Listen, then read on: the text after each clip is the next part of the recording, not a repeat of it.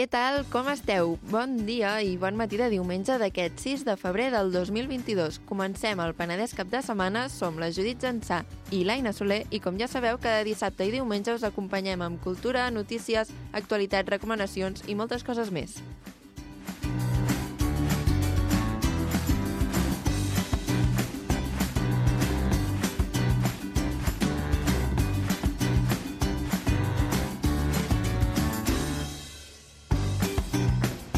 I com cada diumenge ens despertarem amb el Bernat Martínez amb el seu particular anàlisi de la premsa local a El Quiosc.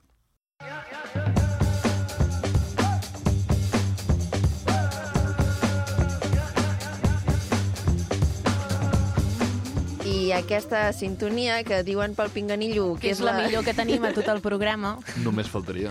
Aquesta sintonia anuncia l'arribada del Bernat avui diumenge al Penedès Cap de Setmana i amb ell, com ja sabeu, analitzem la premsa local de la seva particular manera. Bon dia, Bernat. Bon dia i mal hora, perquè és massa d'hora, com sempre. Mm, mm, Ens ho deia abans que ha vingut en pijama avui, Pràcticament, imagineu-vos. sí. He tingut temps de posar-me els pantalons texans i ja està. Però per la, dalt, per la part de dalt és pijama. O sigui, no he tingut temps. He No, sortit. no, tu com a casa teva. Sí, sí, cada dia... Aviat portaré el matalàs, un coixí o alguna cosa i ja et faré la secció lloc aquí a mig l'estudi. adormit. Clar que sí. Exacte. Uh, com sempre, comencem, comencem amb el disclaimer uh, per Ah, sí, avisar és veritat. al oient de que aquí direm el que ens roti i així tenim una mica d'una xarxa salvavides. Estimat oient, em dirigeixo a tu per avisar-te que els propers minuts escoltaràs certes afirmacions sobre certs temes que poden estar errades. No passa res, volem fer una pinzellada de la premsa comarcal, no una tesi doctoral de cada tema. Uh, dit això... Una cosa, Bernat. Què passa? Um, jo penso, això ja t'ho deus saber de memòria, perquè ho Sí, llegeixes pràcticament. sempre. Perquè això sempre és bo per avisar l'oient, per si mai hi ha algun de nou despistat, que ho sàpiga, que aquí jo a vegades em tiro triples, però que em pot clar, ser que, clar, però que em falli. refereixo a aquesta cançoneta que ens llegeixes cada, Sí. cada setmana. Tu te la deus saber de memòria, me la sé jo de Ah, vale, memòria. que vols dir que, no, que la segueixi dient però sense escriure-me-la. Exacte, la setmana que ve ho provem i ho dius sense, mm, com Bueno, improvisat. Què et sembla? vale. Un repte, mira, petits reptes que t'has d'anar posant a la vida. Ho intentaré. Molt bé, dit això, Vale. el cargol ens deies. Sí, el Cargol, que ens porta en portada a l'Àngel Llàcer, que començarà aquest show de TV3 que es dirà El Llop. Ja ha començat, que ja ha començat. Eh? Ja ha començat, ja Jo l'he vist. Sí, em sembla que porta 3 o 4 En capítols. sèrio?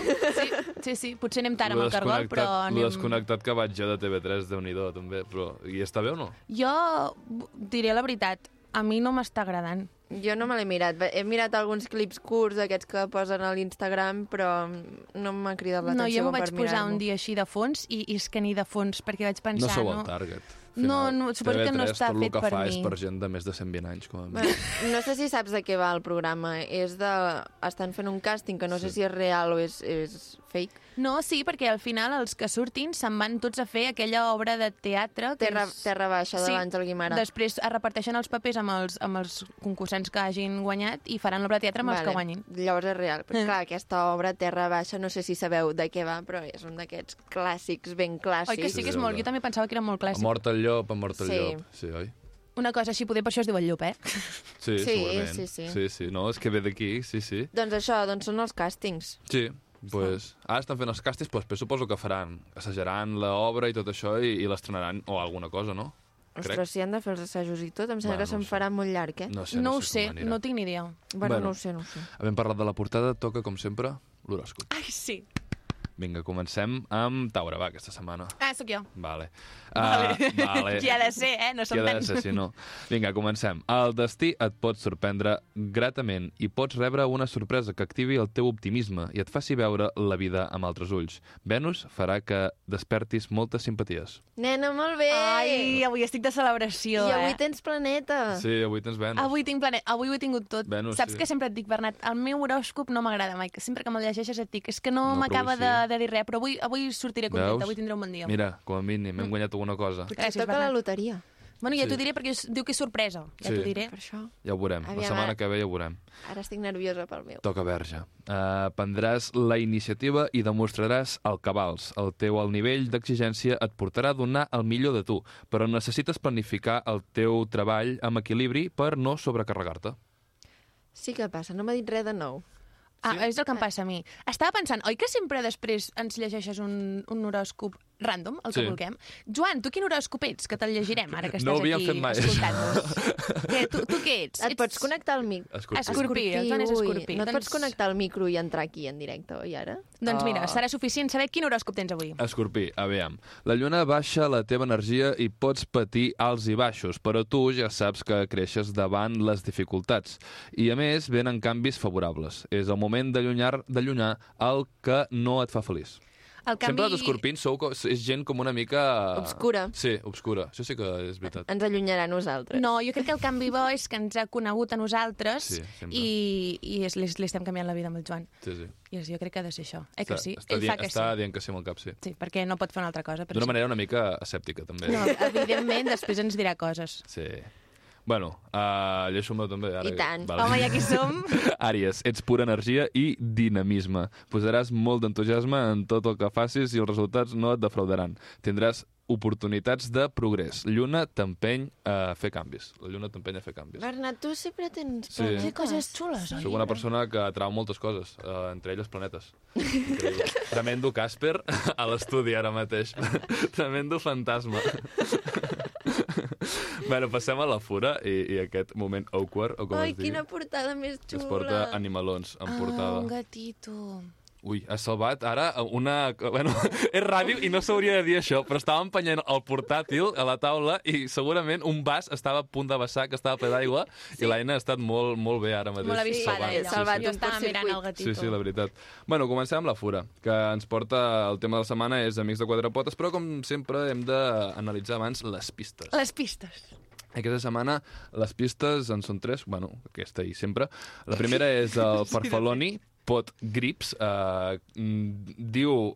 Aquí el que vull destacar és el que comenta uh, de la pista, que diu recordeu els agafadors de roba que, teni que tenien totes les iaies penjats a la cuina? Ho sabem. Ens acabem de delatar molt fortament. Ara ja ho sabeu. Som preboomers. Dir-se, autonomenar-se preboomers... No pot ser. Vale, autonoma... no hi ha manera de dir que ets, me... que ets boomer. No hi ha manera més clara de dir que ets boomer que, dient això. Tu, sí. que autonomenar-se preboomers. Vull dir, em sap molt... Bon Però- intent, redactor, redactora de la, de la fura, però no colat. Però pre-boomer s'ho ha inventat, no? Sí, evidentment. Però, o sigui, suposo que deu ser massa dur per ell o ella dir- uh, dir-se boomer. Però és i a dir pitjor pre-boomer. Sí, perquè és, és més lluny. Exacte, exacte. La impressió que dones és de, bueno, de ser molt més gran. Però sí, bueno, són uns... És com les típiques peces de tela que serveixen per agafar les anses de les olles, si, si crema, doncs de silicona i que tenen forma de farfaloni, que és una pasta italiana. Clar, però escolta'm una És cosa. com un llacet. La innovació d'aquesta herramienta Clar, és no- que té forma de pasta. No ens porta innovacions, ens porten coses cookies. Com- Però aquí sembla que se És t'hagi quedat un llacet groc Exacte. de l'1 d'octubre enganxat a la olla. Això és també cert, sí, sí, és que és, és això la perquè impressió jo que ho estic veient i cuqui, cuqui, no sé si és Exacte, cuqui. però bueno, com Però- que és, té, és té forma de pasta, saps? Jo, jo m'he quedat encara amb lo dels agafadors de la cuina. I jo encara tinc agafadors. Mm. Clar, Clar. i no ets pre-boomer, oi? Ni, Ni ni, sóc àvia d'una pre-boomer. Exacte. Perquè estem, estava dient les sí. àvies. Bueno, no sé, jo que, i a casa meva hi ha uns quantes, unes quantes cuines que he vist i hi havia agafadors. Sí. A la meva, si vas, també hi trobaràs agafadors. No ho Sí, sé, sí. mira, bueno, Bueno. els farfallets aquests Sí. també estan... La segona pista és el Cats vs Dogs uh, Chess Set, que és, bueno, uh, ni una setmana sense un joc d'animalons a la fura. En aquest cas, uns escacs de gats contra gossos, on sense cap mena de dubte guanyen els gossos, perquè els gats el primer que farien seria agafar, fotre el camp o jeure, perquè tothom sap com es comporten No els coneixes gats. a la meva gata. I Aquesta conversa teva- ja l'hem tingut, no? Sí, La perquè la setmana passada també anava També de va coses. passar alguna cosa. Sí, sempre, surten no, no, animals. la fura sempre, Sempre parla d'animals, començant pel nom, perquè ja és un animal. Uh, La meva gata guanyaria aquesta partida. Sí? I tant. Tu creus que la teva gata no fotria el camp? No, jo Sí. sé que la meva gata guanya aquesta partida. I la Judit també ho sap. De les poques coses que m'agraden dels gats és de la seva actitud i apatia vital, de dir, m'és igual. Jo No. el que vull És és, que cada dormir... cop tinc més clar que aquesta conversa ja l'hem tingut, perquè a més jo li vaig dir al Bernat, sí, Bernat, a mi els gossos m'agraden més, i tu em vas dir, sí, és que els gossos són Clar, més perquè la mimosos. setmana passada hem parlat de com un bingo de gossos, o fa dues setmanes. Clar, és No ho sé. Clar, cada no setmana hi ha La nou. setmana hi ha algun nou d'animals. La fura, sisplau, La fura calmeu-vos, no més- Sí. no més animals. Però perquè entre això i el llop avui sembla els altres. Això. L'última pista és la Firefield, Fear, Fi... Bueno, no sé, Farfield, Farfield, no sé. Garfield, Garfield. Farfield, uh, Carre, Car, Car, no sé. Bàsicament és una mena d'estudi uh, d'aquells que hi ha a les biblioteques on et pots posar a l'ordinador o estudiar, però amb un espai afegit per deixar-hi la criatura que dormi, jugui o es foti a cridar i plorar igualment uh, perquè té gana o s'està cagant a sobre. És això, en el seu resum, no sé. Jo estic mirant la foto i és literalment una taula amb una cuna al costat. Sí, adosada, sí. Sí, sí, Vull dir que pots posar la cuna de tota la vida al costat de la taula i fa el mateix. exacte. Jo tinc una pregunta, que potser l'hauria d'haver fet fa molts episodis, però mira, la faig ara. Uh, aquestes recomanacions de pistes que ens, ens dona, ens aporta mm. la Fura, ho fa perquè et deixa el link per comprar-ho o et, et, et facilita alguna cosa? Sí, o per, simplement... et, et facilita el, el link del, del dissenyador, del creador, si vols comprar, si t'interessa... Clar, però per exemple en aquest cas, que és per guardar bebès, Mm? què, què, què et diu? Exacte, aquí el que... Uh, Que et busquis algun lloc així. et pos, el, el link és TMC Forniture, que vol dir moble en anglès, crec, oi? Furniture. Furniture, sí. Yes. tmcfurniture.com, no? Es diu? Clar, Sí. però això vol dir tiendademuebles.com, Pues, quasi, quasi. no? uh, aquí en aquesta tenda de mobles pot comprar la Firefield Carre, no sé. Pues, Bueno, vale, vale. No No sé. segueixo trobant No, igual... no se n'en riuen com nosaltres. O sigui, No, Clar, ells ho diuen ells en sèrio. ells- Això no és hi ha el ni que una jo capa volia. d'ironia. Bueno, sí, hi ha una mica de- d'ironia en, aquesta, en, en el que ells escriuen, però uh, si t'interessa, et donen el, Et- les eines eh? exacte, perquè puguis comprar-ho. Vale. Bueno, anem al reportatge, o el tema de la setmana. Bueno, sí, el reportatge d'aquesta setmana que ens parla de les protectores i de la situació amb la qual es troben. Hi ha una dada que diu que l'estat espanyol es perden i abandonen cada dia 784 animals, D'aquí en trec dues conclusions. Si s'abandonen, cosa que em sembla terrible i d'una moralitat psicopàtica, que es deixin d'adoptar uh, bèsties, perquè no entenc, si no te'n pots fer càrrec perquè s'adopten, si després les has d'abandonar. Uh, I l'altra és que si s'escapen, doncs que es deixin fer i que corrin i que visquin perquè és senyal que estan millor fora que a casa, no? Dir, a partir d'aquí, què més hi ha? Doncs una entrevista a responsables de la protectora del Penedès, la, la CAT, que és C-A-A-D, de la protectora de Penedès Garraf, i poca cosa més. Parlen de casos de rescat d'animals que han patit maltractament i, bueno, un tema interessant. etcètera, etcètera. Sí, I ara, etcètera, ara em etcètera. sembla que vaig llegir... Mai faré spoiler del que diu el, el reportatge. Perquè no t'ho llegeixes. Clar, no, però- entre d'altres perquè no m'ho llegeixo, però principalment perquè el- l'oient el, el llegeixi. Uh, estava llegint l'altre dia que ara s'acaba l'època de cacera i augmenten els abandonaments Dels de galgos, gossos, oi? Mm. de, dels galgos i dels beagles i bueno, Vaig- jo aquestes races de sí. cacera que, Vaja, que després de l'època de caça ja no serveixen i s'abandonen, sobretot els que estan més vells i que ja no han funcionat en aquesta temporada, sí, sí. que em sembla tan patètic la cacera com el Com l'abandonament. com l'abandonament. Cert. Uh, Però bueno. Subratllo tot el que dius. Però passem al tema de la, ai, a les notícies, que potser seran més divertides que el tema de la setmana. Sí. Uh, per començar, l'Ajuntament de Vinyonet dona, set, dona 16 mesos a l'alcoholera per acabar amb les pudors i els fums, perquè Vinyonet vol deixar d'olorar com si les 1.669 persones que l'habiten s'haguessin posat d'acord per menjar llenties amb xoriço i haguessin quedat totes aquestes 1.669 persones al turó de les Gunyoles per tirar-se un pet a la vegada apuntant a Avinyó Nou. Uh, per això, els membres del consistori, tècnics municipals i una seixantena de veïns es reuneixen amb els accionistes de Cades, que és l'empresa que suposo que deu gestionar, o l'accionista d'aquesta alcoholera, uh, per exigir-los les solucions més immediates. Vale? Però aquesta empresa quants anys fa que està... Molt. I fins ara no se n'han adonat de que fan pudor? Sí, però suposo que es deuen haver cansat. Sempre hi ha com algunes, algun moment que tu dius prou. Clar, la, la gota que, Sí. que colma el vaso, no? No sé quina deu haver estat ara, però sí. Que fa ara més calor. cansat. No sé, fa més calor pel canvi climàtic. i Això pot ser, eh? Clar, la... I es Deu nota fer més més la pudor. farum, oi? Sí, sí la- que pot ser. Però passa a un altre poble, també, del Penedès. Ara no... Els monjos, pot, Pot ser. Els monjos hi havia... Sí, també... Bueno, i a Pax també tenen alcoholera, però no noto mai l'olor quan passo per Pax. No, jo Pax tampoc. Però, bueno, no ho sé, eh? vull dir, aquest problema ja, qui el tingui el sabrà. Ja, clar, ja us ho fareu. Exacte. Records des d'aquí. Feu una notícia a la fura, si, volem que, si voleu que parlem de Batros, eh? Abans no parlarem de Batros. Guanyeu-vos una mica. De batros. Ah, escolta, això, De és, pena... Això és penedès, eh? No, jo, dic, jo dic valtros i naltros. bueno, Però, però batros ja no, això, això ja és passar-se Un, el un joc. cop un amic meu em, em va preguntar si ho feia amb tots els pronoms. Tu, trus... És en sèrio, això m'estàs de Déu. dient? és, és real, és real. Tot és, tot, tots, Sí. totis. Ells trus. Tots, tots. En fi, gent, de, Bar gent estar. de Barcelona. Sí, els pixapins.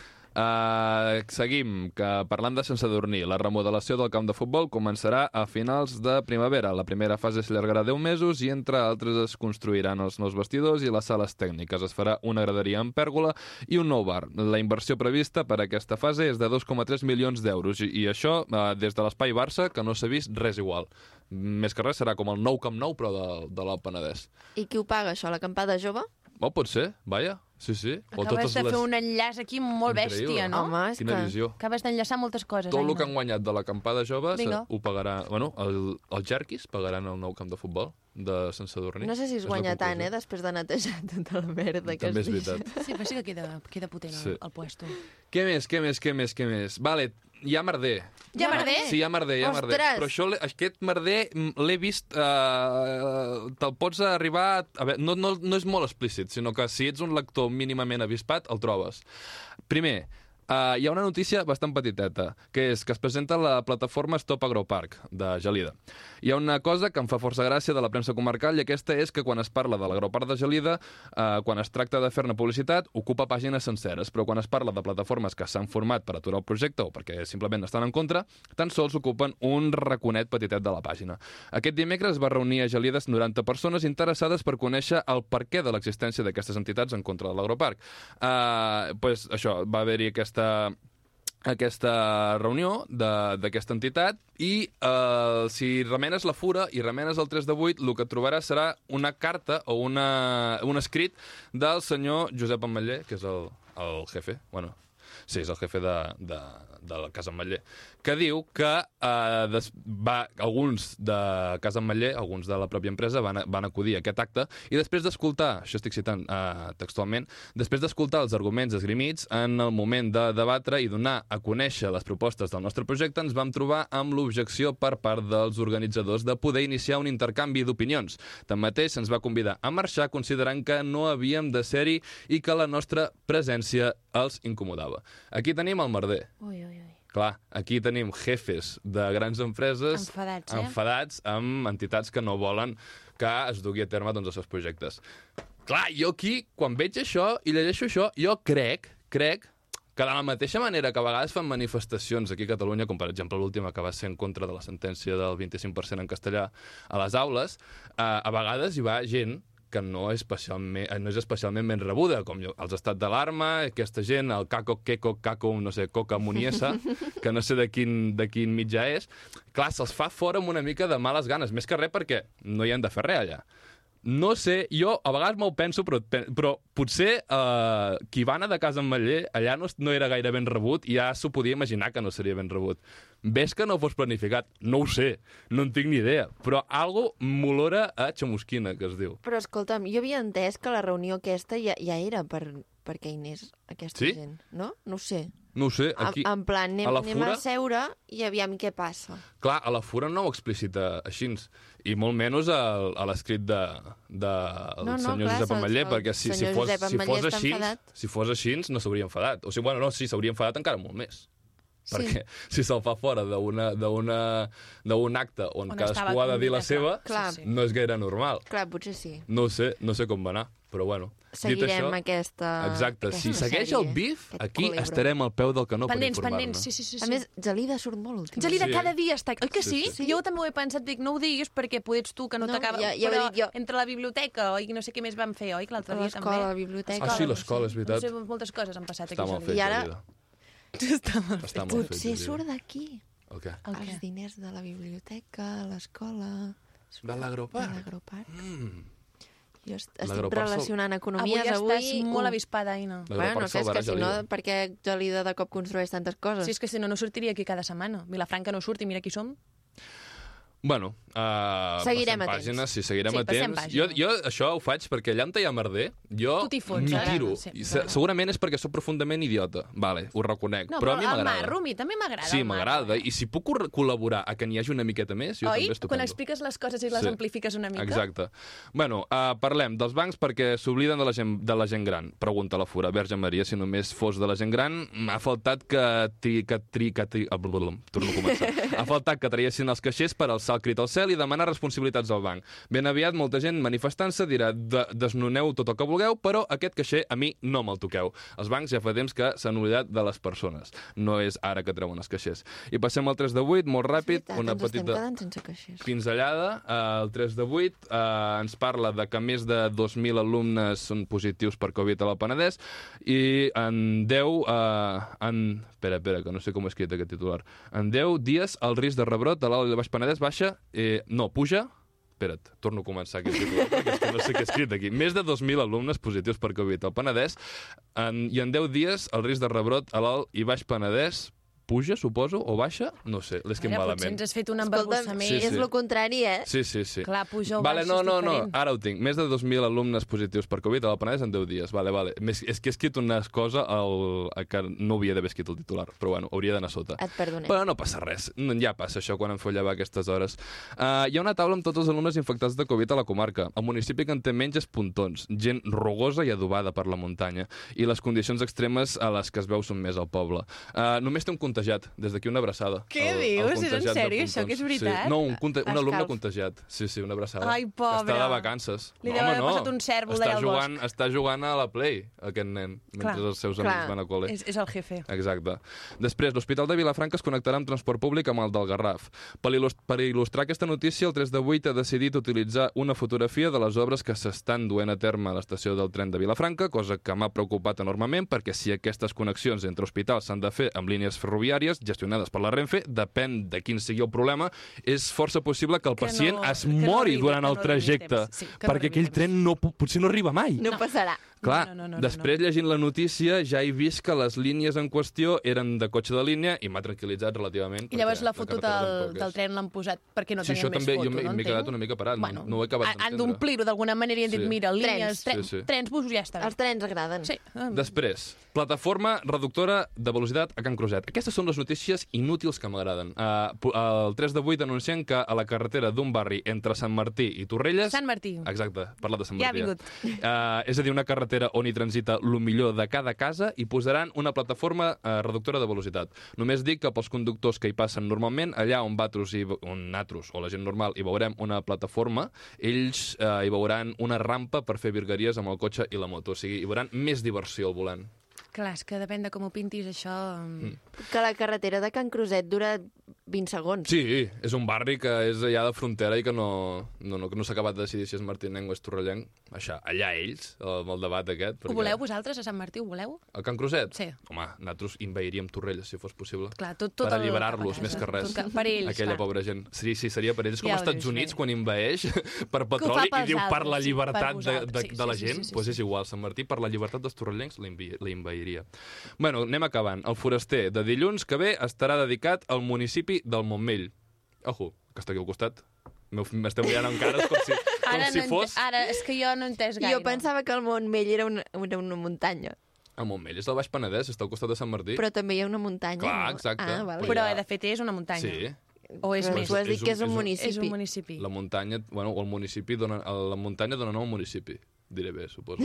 No serà com ara. Bueno, si hi ha algun montmellenc, Bueno, Que ens ho faci ja ens, ho, ja ens ho dirà. perquè Cada dia estem si supera... un si, poble nou. Exacte. Sí, sí, si supera el foraster. de Pax, que no és difícil perquè per mi és el pitjor de la història, uh, serà el millor foraster del Penedès. Ahir vam parlar amb el senyor del foraster. El, se- sí, Vinga, va, promoció. per què li diem al senyor del foraster? Quan Perquè fa el foraster. Però, però, però el senyor del foraster com si no tingués nom. Bueno, en, Bueno, d'acord. però m'estava fent la interessant. Ah, bueno, ja, va. Aquí. Uh, anem acabant, bueno, acabem ja, de fet, Sí, amb de fet, els sí. esports, uh, perquè la Martinenca va com un tiro per les posicions d'ascens i ja no tinc res més a dir perquè sempre els esports són bastant avorrits i, i com que estem en plena ebullició esportiva, que és cap de setmana, doncs tampoc val la pena informar a un diumenge al matí perquè passa, passaran moltes coses. Clar. I perquè Sant Martí avui ja ha sortit 13 vegades i ja... ja Sí, ja està, home. Ja, ja hem Ja fet Et està el sent bé, bé. ja realitzat, parla eh, ja? Jo crec que ja, ja tens el dia fet. Sí. Molt bé, Bernat, doncs si no tens res més a dir, nosaltres tampoc. Sortim molt contentes amb l'horòscop i amb totes les pistes i tot el que ens has explicat i ens tornem a trobar la setmana que ve. Estupendo, vagi bé. Adéu, Bernat!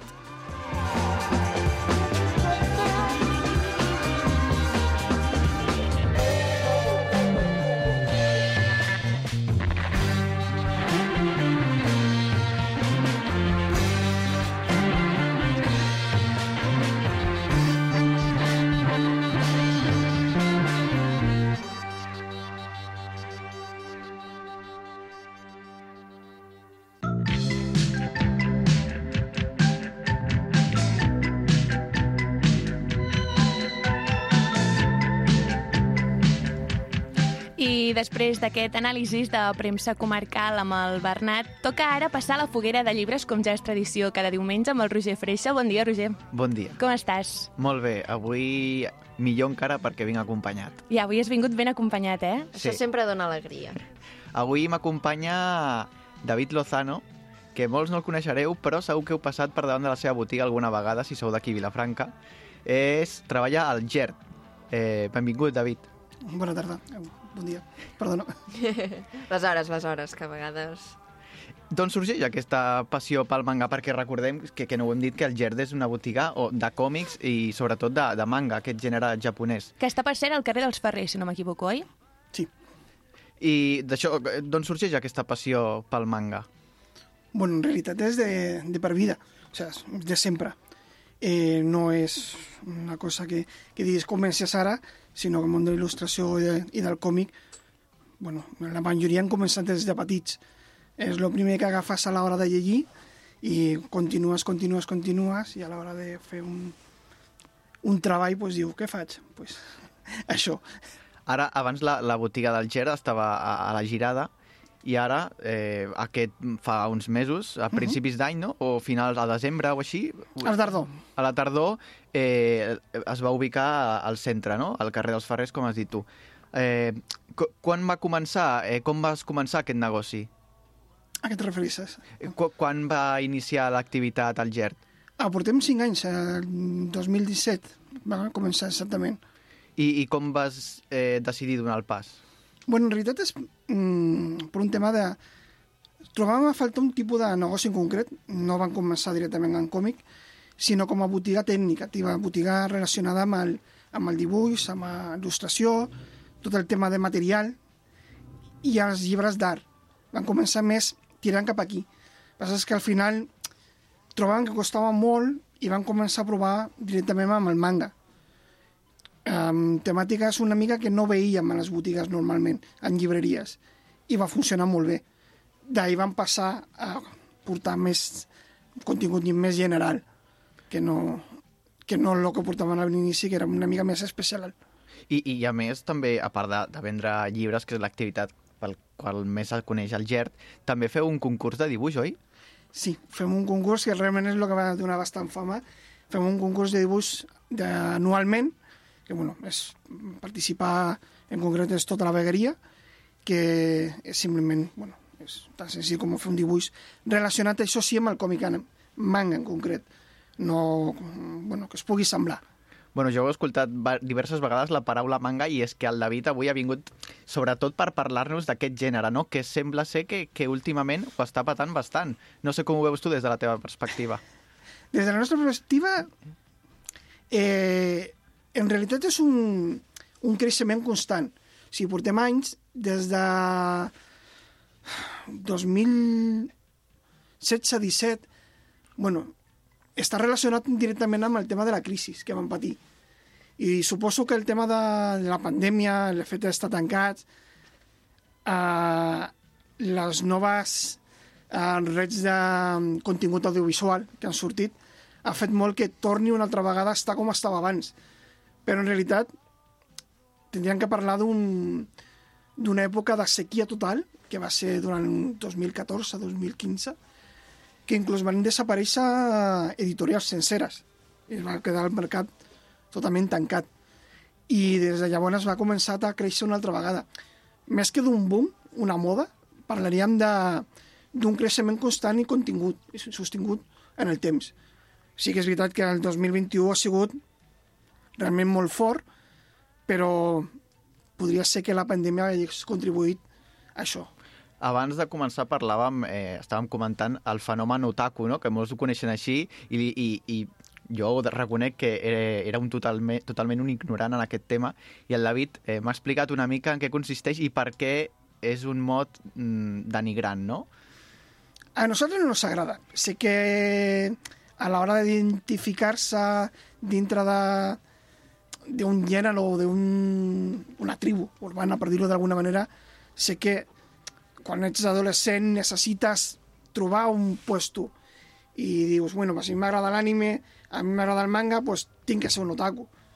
Però no, no ho veiem, no ho veiem realment correcte, perquè és com tindrà un nom o tindrà un nom, una definició per a tots aquells seguidors de Harry Potter, que realment no sé si tenen un nom, però seria el mateix. Mm, No tindria per què. I, i realment el seu origen realment és feit, és lleig, no és... Sí, perquè ara fora de micros estàvem comentant que hem buscat la definició per internet. Sí. i posa literalment que és una paraula japonesa amb connotacions totalment negatives que significa fanàtic, inepte socialment i obsessionat amb alguna cosa. I, de fet, igual aquí no ho sé tant, però a altres països, o sobretot a Latinoamèrica, es fa servir molt despectivament. I llavors, clar, s'està important una mica... Abans sí que era realment com més, més mm, indicar el que és la tribu i una mica on t'ho imposat per, per dir no, jo sóc això, però ara comença a tindre, o estem veient bastant, de forma despectiva, s'està fent servir molt. I per això mm, des d'aquí nosaltres intentem que no es faci servir. Però clar, mm, agrada molt dir, mira, sóc d'això, d'aquest gènere. Pels de casa, si hi ha algú que no sap de què estem parlant, perquè nosaltres ens hem posat a parlar d'otakus, però no ho hem I ja hi donem per explicat. fet, oi, que tothom ens està entenent. Otakus um, és una tribu que ha sorgit ara amb la generació... bueno, no sé si ha sorgit ara, però s'ha fet s'ha posat de moda amb la generació Z. Doncs igual que hi ha, eh, no sé, els pijos, els, Els priquis. les xonis, Sí. aquestes coses, doncs, hi ha una certa gent que s'identifica com a otaku i té unes característiques que vesteixen de negre, mm, llegeixen manga, no sé què més tenen, la veritat, ho desconec una mica, però ja és a- aquest punt que deia la definició, no?, de molt obsessionats per alguna cosa, i aquesta generació Z s'ho han portat i ha creat una tribu identificativa, no sé com explicar-ho, Sí, menys, prenent, prenent aquesta paraula que, que ve del manga. Dins del... a- Ara mateix, eh, a la gent que li agrada el manga, hi hi ha de, molt, de moltes edats, no? Però mm, generalment eh, identifiquem més els, els joves, els adolescents, però realment hi ha de totes les edats, oi, David? Sí, sí. Realment, nostre públic fort, el, o almenys l'objectiu, comença a partir dels 16 anys, realment. Sí, tens molt públic molt més jove, però realment el que realment és fort o realment està interessat començaria a partir dels 16. Mm, a partir, sí, que és quan poden vindre sols, poden vindre escollir, poden estar temps mirant què volen i n'hi ha menys limitacions en quant a contingut, perquè realment el, el que és manga en paper eh, n'hi ha molta cosa que realment no és apta per tots els públics. Clar, eh, és que de vegades pensem, ostres, il·lustracions, dibuixos, això és per nens, però, però no té per què ser així. És que realment és tot el contrari, realment eh, és una de les preocupacions que s'arriben molts pares, i és que és veritat, eh, en principi quasi tot el contingut estaria enfocat per joves a partir de 12 molt justet, a partir de 13-14 anys. També, també és veritat que separa una mica... Vaig buscar i hi ha diferents gèneres Sí. que separen per edat. Hi ha el Kodomo, Shounen, Shoujo... Bueno, això m'ho explicaràs tu millor perquè segur que, vaig segur estar... que es pronuncia així, eh? Sí, no sé, no sé, no sé ni idea. Ho vaig buscar, ho, vaig estar investigant i vaig trobar això, però no sé, el David potser ens ho explica una mica millor. Bueno, que jo tampoc sé pronunciar-lo correctament, segur, eh? Però sí, són bastant ambigus el que és el tema de les edats. Aquí funcionen molt per tema d'edat, però quan mires gèneres, que realment, no, demografia, que realment se fa servir cada vegada menys, eh, és molt difícil determinar on està. La barrera, no? Sí, i de fet, quan mires... Quan es trasllada sèries d'animació i mires qualsevol canal tipus Netflix, veus que moltes vegades ells mateixos no saben què fer. Inclús canvien edats i canvien... Perquè realment és molt ambigu. I més, més determinat què s'està fent en aquell moment que realment el que és el gènere en quina edat està. És molt difícil, és molt complicat determinar una edat concreta. Clar, el gènere del manga també està relacionat directament a, amb el món de l'animació del, de l'anime, no? I molta gent eh, consumeix també més anime, va com una mica lligat, no? Però abans estaves explicant que, cert que molts mangas tenen anime, però no tots els mangas tenen anime, oi? No, evidentment no. Alguns perquè se tenen que fer i altres perquè el, la tipologia del gènere no dona per fer una animació. No té sentit. Ara mateix, eh, per, per saber una mica eh, les teva, els teus gustos, qui- quins recomanaries? Així pel, pel que li agradi el manga i ens estigui escoltant. Complicat, eh? Clar, nosaltres ens movem molt per un gènere més adult. Llavors, sí que n'hi ha molta cosa que, que si no has llegit mai manga japonès en concret, o el que has vist és còmic més, més europeu, més nacional, i n'hi ha gèneres adults que sorprenen molt per el contingut, per la serietat, per eh, la seva profunditat a l'hora de, de, de transmetre una història, però clar, dir-te un concret és complicadíssim. Eh, Potser per algú que no ha llegit mai manga, així per iniciar-se una mica. si és adult, ho tenim bastant clar. Sempre recomanem el mateix, que són autor, que es diu Ino Asano, que són històries... Bueno, sempre fem la comparació, eh, no recordaré de l'autor, però fem típiques històries que eh, estan entre... Eh, bueno, són molt psicològiques, però estan entre la que és lo que no és real i lo que és re- real. Són històries mm, que critiquen molt la societat, la japonesa en concret, i sempre ho fan servir eufemismes o, o coses que són totalment irreals per explicar coses que són molt difícils d'explicar eh, en la realitat. Al principi parlaves de que fa 5-6 anys va començar el creixement, però abans hi havia un període com de crisi no? dins del, del sector. I a mi em crida molt l'atenció, des de la meva perspectiva, que no sóc gaire aficionat al manga, la veritat, eh, que l'editorial que més destaca és Norma, i Norma té com un munt no? de, de mangas. Sí, bueno, clar, és, és l'editorial nacional, és la que està en Barcelona, i possiblement és la que s'agafi més a prop. No sé si dir-te si és la més gran, mm, segurament no, però és la que no s'enganxa més a prop, i per això veiem molt contingut d'elles. A més, tenien la botiga, i a més, fa que, que tingui molt de pes, però en realitat mm, hi ha editorials que també tenim de fora que són enormes i tenen un contingut enorme. L'únic que passa és que a nivell nacional, a l'hora d'editar contingut aquí, és la més gran. I a l'hora de, de traduir els mangas, imagino que no... Hi ha algun... Tu, tu llegeixes, saps japonès, per curiositat? No, les llegeixes en, en espanyol o català, no? I a l'hora de... Clar, els dibuixos no canvien, però les traduccions sí, són bastant bones, no? Entenc. Hi ha alguna crítica dins del sector? És que pregunto des, des de la ignorància absoluta, a veure... És complicadíssim el tema de la traducció. Uh, N'hi ha moltes traduccions que són bàsicament directament llocs de paraula o coses que són molt d'allà, que és com ho tradueixes? Per aficionats que saben i entendre la gràcia o per al públic en general? És un tema bastant complicat. De totes formes, ha anat evolucionant molt.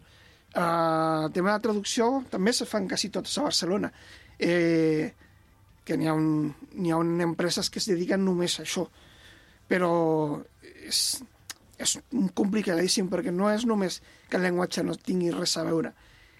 És que a nivell social tampoc tenim molta Clar. Relació i és complicat. Clar, l'humor, per exemple, no és el mateix humor el que tenen allà i les coses que els hi puguin fer gràcia que aquí, Exacte, que potser no ho entendríem si fos una traducció literal. No, traducció literal no s'entendria res. És impossible. Clar, però entenc que la gent que li agrada, que és molt aficionada Clar, ja al manga, entenc. ja també és aficionada a la cultura japonesa, Eh, encara hi sí, eh? Encara, Encara- hi sí, sí. Encara hi sí. perquè, clar, potser també li treus una mica l'essència si ho trasllades al que és aquí, no? Al final, igual que mm. si portes la sardana al Japó, no l'adaptaràs a la cultura del Japó. No, clar, és l'estil. Penso jo. Sí, sí, sí, sí, sí. que és el que s'està fent ara. També és això, que realment ara les traduccions cada vegada són més fidels.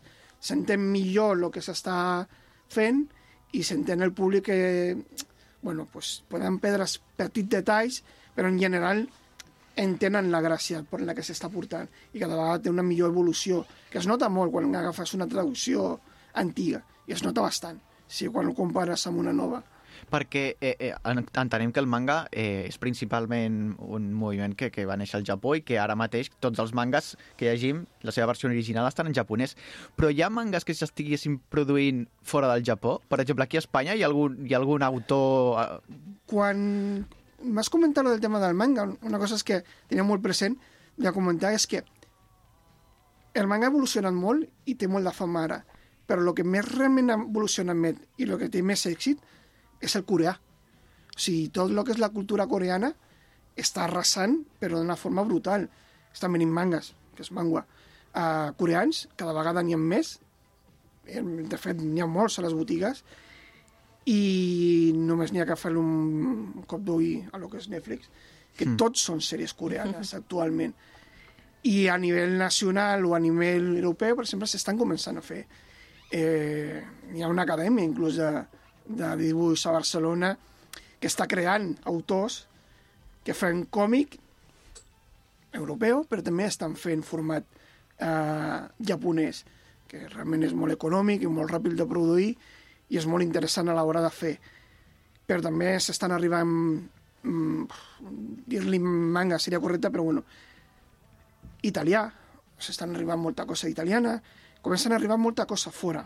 Mm. O sigui, eh, és un sistema de fer vinyeta que és molt econòmic, que és molt ràpid, per el sistema en el que es fa, que és tot blanc i negre, i realment és econòmic de produir, i bueno, és accessible a qualsevol que sàpiga fer-lo. O sigui que sí. I has dit que es diu manga igual, encara que sigui italià, mm, espanyol... O... Bueno, és que es podria dir manga, perquè sí. manga és la traducció literal de dir uh, vinyeta, per dir-ho d'alguna vale. manera.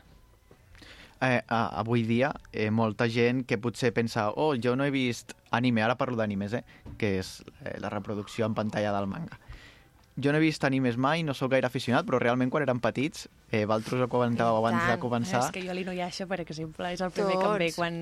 L'Oliver i Benji... Però la, el... la nostra generació jo crec que ha, ha vist molt d'anime, el Super 3 tot era anime, casa, mm. quasi. I jo pensava, amb el que comentaves abans de les edats, hi havia anime que jo mirava de petita, que ara me'l torno a mirar i penso, ostres... Potser no era per la teva edat, oi? Però clar, no ho entenies i tu posaves la tele, veies dibuixos, doncs dibuixos. I, I sí, sí. Clar, suposo que és això, el fet de que siguin personatges que són dibuixos, sembla que hagis d'associar-ho que això és per nens petits i que, per tant, el que passi d'aquella aquella pantalla tot és apte, no? Però al final suposo que és el que deia no, al principi, que, que no té res a veure, que siguin dibuixos no vol dir que estigui adaptat per nens petits, no? Potser és això el que una mica ens fa mm, distorsionar una mica. Jo tinc una pregunta amb això de l'anime. Què va primer, l'anime o el, o el manga? El manga, no? O sigui, el, el llibre o la sèrie? Bueno, pot anar en les dues direccions. Vale. Normalment és, primer és manga, primer fas el paper, que es distribueix pràcticament cada setmana, com si fos un, en diaris, i si té molt d'èxit podria arribar a convertir en una animació. Però també pot anar justament al revés, que una sèrie que és directament a pantalla, o s'hagi fet una pel·lícula, o s'hagi fet una animació directa, doncs tingui un èxit que digui que això s'ha de convertir en una història en paper. Bàsicament el que ens passa a nosaltres aquí amb els llibres, que pot fer ser una pel·lícula d'un llibre o a l'inrevés, una un llibre d'una pel·lícula. Com va fer el Tarantino a ser una vez en Hollywood, que va, estrenar la pel·lícula i després va publicar el llibre. El llibre. Una de les eh, coses que, tot i que el manga no sigui només per nens, també és veritat que un dels objectius és transmetre uns valors, no? uns valors determinats per, positius per la societat, oi? Eh... Bueno, això... Depèn de quin, em sembla que és cara de depèn de quin. Sí. és complicat. Uh, si parlem directament del japonès, tenint en compte que tenen una, una forma de funcionar el que és la seva societat, la seva cultura molt especial. En realitat el manga és una forma de fugir de lo que és el funcionament. Es tenen molt clar i són capaços molt bé de diferenciar el que és una història que és totalment irreal de lo que és la realitat i no té res a veure, o sigui, no té, però, vamos, res, a ningú se li ocorriria fer una reproducció de lo que és una història eh, escrita. Eh, és que no té, vamos, i no és un intent de, simplement és una fantasia i és una forma de distreure de la, de la realitat. O sigui que aquests valors no estan creats per inculcar-los, estan creats per, per reproduir alguna doncs ja sabeu, si voleu passar una bona estona, entretenir-vos i fins i tot trobar un nou hobby, passeu pel Gerd i demaneu-li al David consell perquè us recomanarà algun manga boníssim, segur. Moltes gràcies per venir, David. Moltes gràcies a vosaltres. Exacte, hem descobert un, una nova afició i els fans del manga segur que ja coneixeu aquesta botiga. Esperem sentir i parlar molt més sobre el manga i sobre el Gerd. Yeah.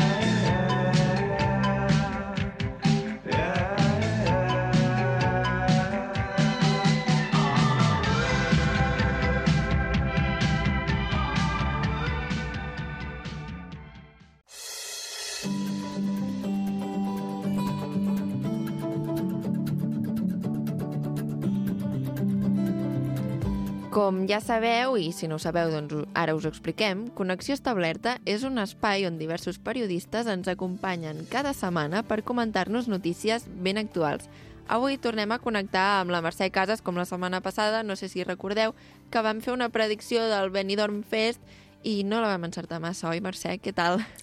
Hola, bon dia. Molt bé, i vosaltres? Ara, Ara, bé, també, sí. sí, una mica tristes. Una mica tristes perquè tot el Sí, que vam xerrar la setmana passada no s'ha fet realitat. Exacte. Jo avui vinc amb moltes ganes de fer aquesta segona part del Benidorm Fest, tot i que no m'esperava haver-la de fer perquè quan em van parlar la setmana passada ja tenia molt assumit que guanyaria la Rigoberta i resulta que la cosa no va anar així. Però sí, bé, Nosaltres ja estàvem a Eurovision veient com la Rigoberta ens ensenyava una teta, quasi, Sí, quasi. parlant ja dels no, no, tècnics. ja ho jo ho visualitzava tot. molt fort. Sí, sí. Bueno, I com doncs, que la setmana passada vam parlar de la Rigoberta, avui li hauríem de dedicar la secció per anar bé a la Chanel, que suposo que n'heu sentit a parlar aquesta setmana. Sí, que Sí, no sé, sí, sí. Després de, de la pèrdua I- de la Rigoberta, doncs ens hem enterat que hi havia la Chanel. Pobreta. Que no estem parlant de la colònia, eh? Perdoneu per la broma fàcil, però s'havia de fer. que aquesta setmana també ha sigut com la brometa, Chanel... Bueno, després us explicaré d'on ve aquest nom. Vale. Però anem una mica a, el que vindria a ser la gala final del Benidorm Fest, perquè al final ni Rigoberta Bandini ni les Tanxugueires, que eren les grans favorites. La candidata d'Espanya al Festival d'Eurovisió serà Chanel Terrero. La cantant va proclamar-se guanyadora el dissabte passat en una final molt polèmica i va ser una victòria que els entesos del tema ja preveien, però que va indignar i molt a la gran majoria d'espectadors de la gala, i m'incloc. Llavors, fem una mica de repàs per la seva biografia, si voleu, com vam fer la setmana passada amb la Bandini, perquè molta gent no sabia qui era la Chanel. Doncs la Chanel, que té 31 anys, és cantant, ballarina i actriu de musicals. Molta gent va descobrir-la a la primera semifinal del concurs, on va actuar per primera vegada, i d'una banda molta gent es va interessar per ella per la força de la seva actuació, eh, que ja en parlarem més endavant, que va ser amb la cançó Slow Mo, però també per resultar la guanyadora d'aquesta primera semifinal. I el que poc sabien llavors és que la cantant, que eh, és d'origen cubà, amb 4 anys va venir a Catalunya a viure amb la seva família a Olesa de Montserrat, o sigui, aquí al costat, noies. Sí, a mi això em va posar molt contenta també perquè almenys també era catalana, és catalana, Sí. encara no l'hem matat, i em va fer molta gràcia perquè va convidar una calçotada a la Rigoberta. Llavors aquí ja vaig Sí. dir, bueno, ja em cau bé. I a ballar sardanes, Ja m'agrada. Alguna cosa així. Exacte. És que a mi, quan va dir... Bueno, jo he vist una entrevista seva on diu tinc unes arrels catalanes precioses i a mi la veritat és que aquí ja em va guanyar una mica, per no dir que bastant. Sí, ens agrada, ens agrada. Mm. Exacte, exacte, ens agrada la Chanel. Del que s'ha parlat molt també, com us deia, és del seu nom. Ella mateixa, quan va guanyar, eh, va fer el joc de paraules de Eurovisió fa olor de Chanel.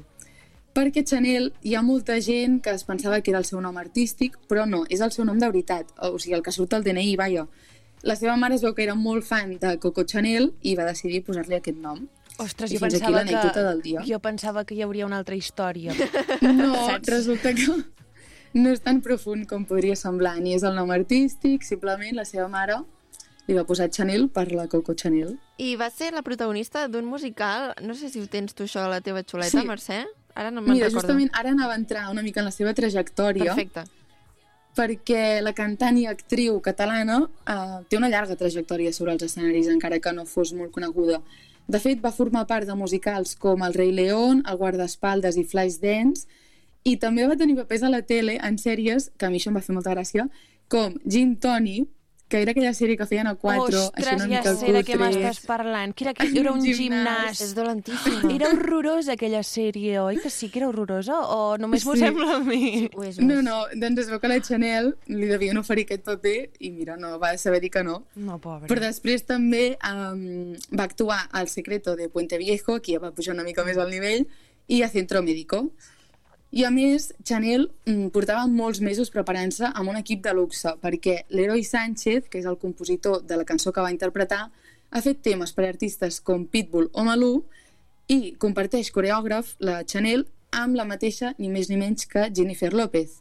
Vull dir que la cosa ja anava una mica encaminada. Carai, qui és el coreògraf? El coreògraf de la Chanel, no me'n recordo ara mateix. Mira, ara ho buscaré, ara ho perquè buscarem. sé que l'Heroi Sánchez era el compositor, però el Chanel no ho vaig trobar. A veure si ara ho trobo. Um, Però bueno, que estava ben acompanyada, Sí, té, diguéssim. té un bon currículum. Exacte. I clar, si a tot això li sumem la seva experiència en musicals, no ens pot estranyar l'actuació tan professional i per alguns perfecta amb què Chanel va guanyar el Benidorm Fest.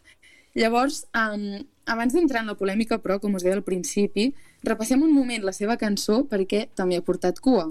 Com us comentava, es diu Slow Mo i tot i ser un tema d'aquells creats i pensats per portar Eurovisió, molts eurofans no veuen amb bons ulls la seva lletra, que qualifiquen de banal i consideren que fa una cosificació de la dona i té un missatge més aviat poc feminista. A diferència, per exemple, d'Ai Mamà, que és la cançó que vam comentar la setmana passada, de la Rigoberta De la. Rigoberta. Heu escoltat vosaltres la cançó de la Chanel? Um, La tenim aquí de fons ara sí, mateix. oi? Dic, crec que, que sí.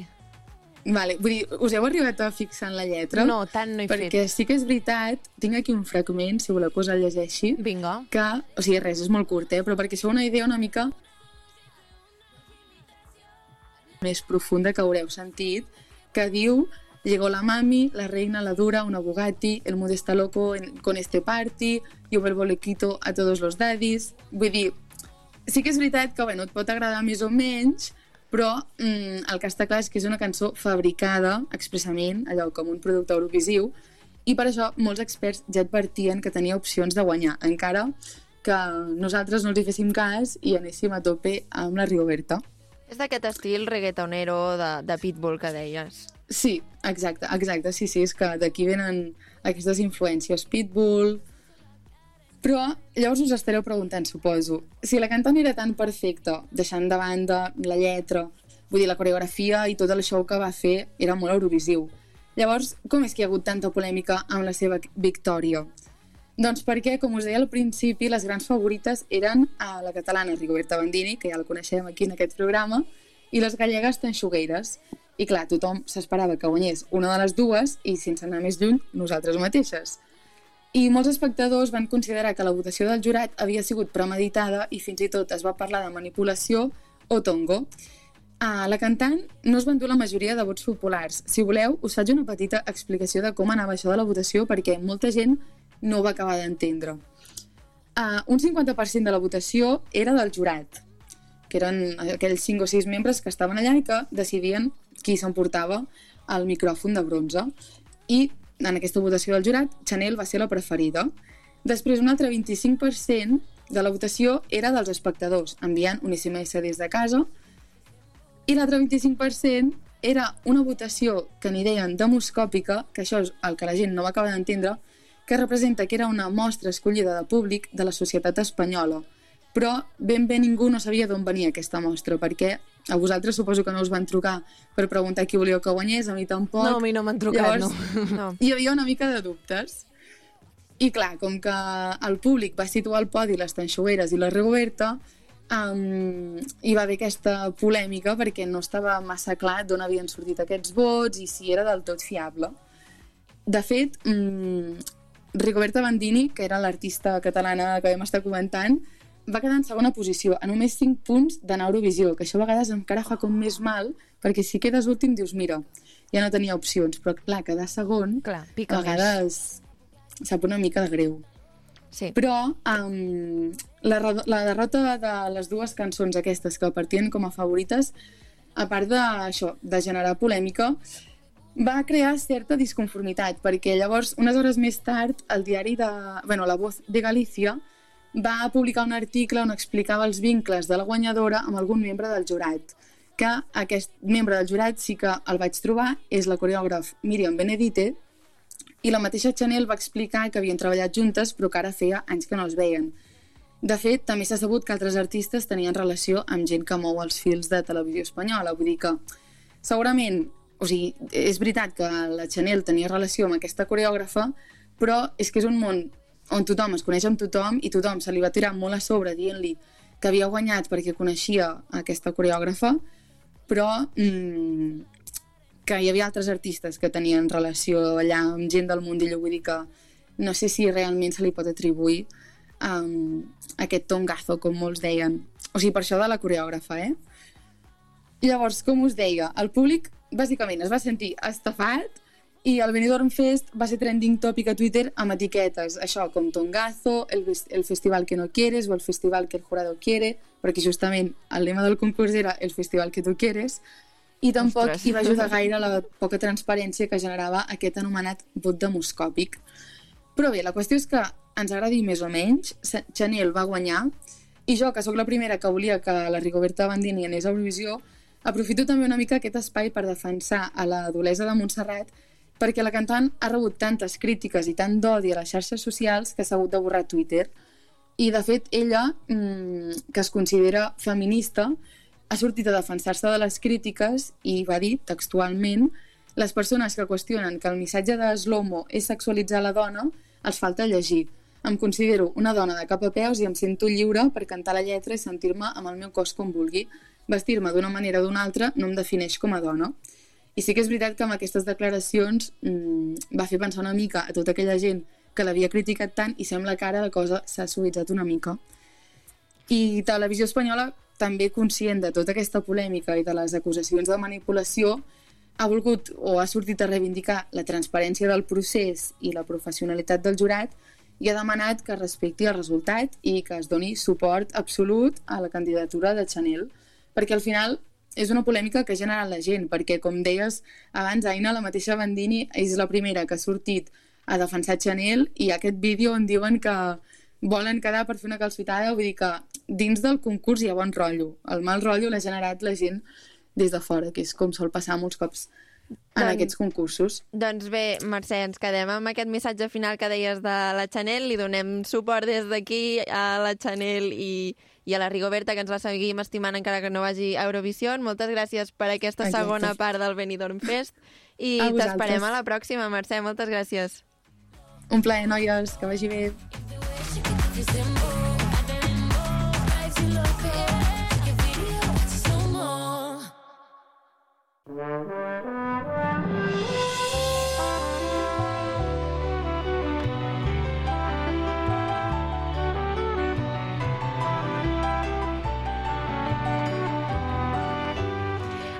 Penedès estem envoltats de cellers i de persones que ens enriqueixen el territori. Com ja sabeu, cada diumenge rebem un celler diferent per descobrir qui s'amaga darrere dels vins i escumosos que elaboren. I avui hem convidat a la Laia i a l'Anna Deas del projecte Les Iaies, que situa, si no m'equivoco, a la Llacuna, a la comarca de la Noia. Bon dia, noies, com esteu? Hola, bon dia. Bon dia. Això que estava dient, ho estava dient bé? Sí, sí. dit Sempre afegim aquest, si no m'equivoco... Clar, per perquè si jo penso, a veure si m'estaré mullant i, i no, no, és el, no és el que toca. Doncs abans de començar, perquè ens situem totes una miqueta, si ens voleu explicar què és Les Iaies, d'on neix aquest projecte i per què té aquest nom tan peculiar? Eh, bueno, jo sóc l'Anna i res, Les Iaies és un projecte que comencem la meva germana i jo juntament amb els nostres pares a, a la Llacuna, que és on els nostres pares s'han criat tota la vida i nosaltres pues, hem passat la meitat de, de la nostra vida també. I bueno, allà tenim unes terres que les nostres iaies cultivaven on hi solien haver-hi moltes oliveres i arriba un cert moment a la nostra vida que anar a recollir olives és bastant costós, vull dir, és una cosa que Sí. és farragosa i bueno, el nostre pare eh, sempre ha fet vi tota la vida i nosaltres vivim a Vilafranca del Penedès i llavors és com que la cultura del vi sempre ens ha acompanyat moltíssim i va arribar un moment que amb la família vam dir bueno, potser el que podem fer en comptes de tenir tantes oliveres és plantar vinya i fer vi. I doncs així neix les iaies i bueno, volíem fer, no tenim moltes vinyes, fem una producció relativament petita i el que volíem doncs era, com que aquelles terres són dels nostres avis, les nostres iaies, i com que sempre el que ha juntat la nostra família han sigut les iaies, doncs és com una mica pues, un, un, un reconeixement cap a elles i per això els vam ficar aquest nom i res. Com un homenatge a les Quina no? Al història és més bonica. Llavors entenem que és com, un, com una herència familiar i que vosaltres doncs, ara agafeu aquesta, aquesta força, Si ho vols dir així. no sé com dir-li, bueno, que ara agafeu, és que encara em surt en castellà, les riendes. Exacte, sí, Sí, més o menys. sí, sí, sí. No sé com és en català. No, No. estava allargant per si trobava la paraula, però no. I, I voleu fer aquest homenatge a les iaies. Deies també que el vostre pare havia fet vi, però no comercialitzava o... Bueno, he treballat sempre amb vi. o sigui, en el món del vi. Vale. I llavors és com que sempre des de petites ho hem, hem Doncs, crescut amb el vi. Sí, ens hem criat. Sí. bevent vi. Us anàvem a preguntar una mica per la vostra trajectòria en el, en el sector. Entenc que no heu estudiat res de- d'enologia ni res d'això, sinó que cadascú ha estudiat una altra no, cosa. Sí. No, em, o sigui, la meva germana està fent un doctorat i jo estic estudiant medicina, o sigui que és completament Sí, jo, jo, he a part. fet, jo he fet biologia, però sí, que he treballat molt en cellers doncs, a, a nivell de fer visites i tal, i això, que tota la vida coneixem el món del vi molt, de molt a prop, però...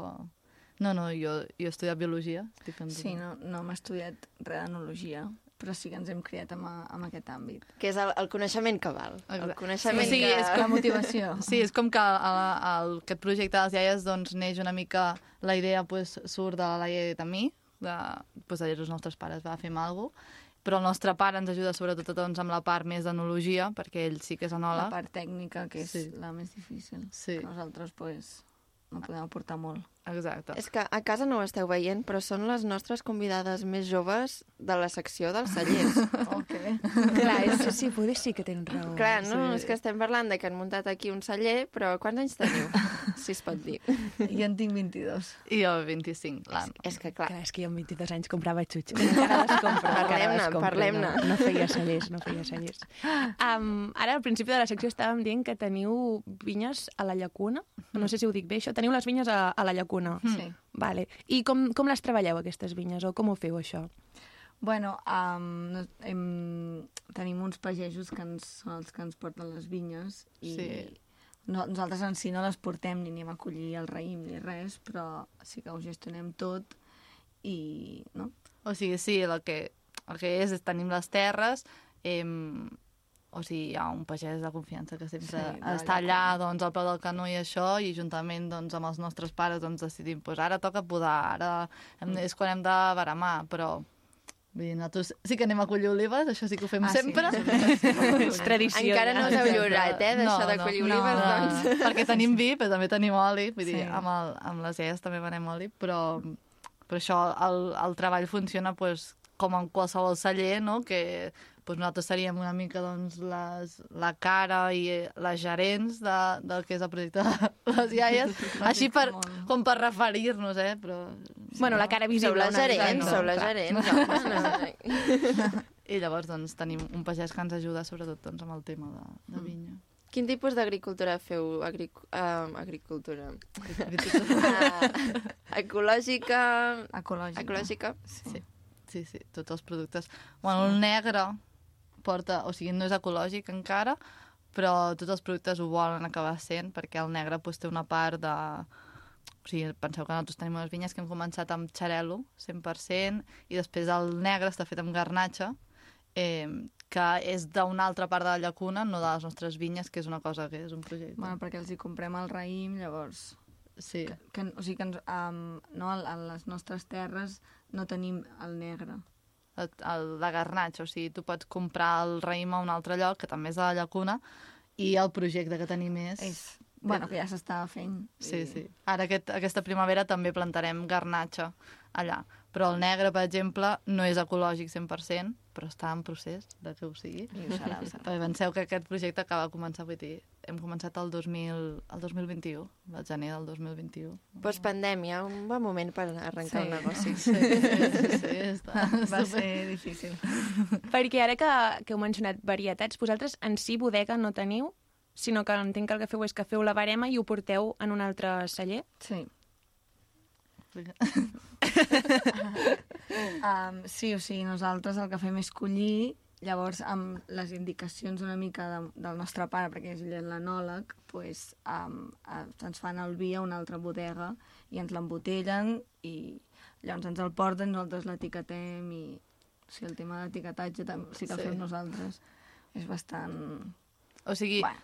és una cosa que es fan a molts cellers, que és que tu tens la vinya i tu la portes a un celler doncs, potser més gran i això, que té l'espai per poder fer tot aquest procés, doncs, que perquè per això necessites espai i tal, i ells te'l te fan la criança i tal, com tu els hi dius, perquè això també Sí. nosaltres ho decidim com ho fem, i ja tornen les ampolles. No? Nosaltres llavors ja fiquem l'etiqueta i tot això, però de moment no tenim celler com a tal.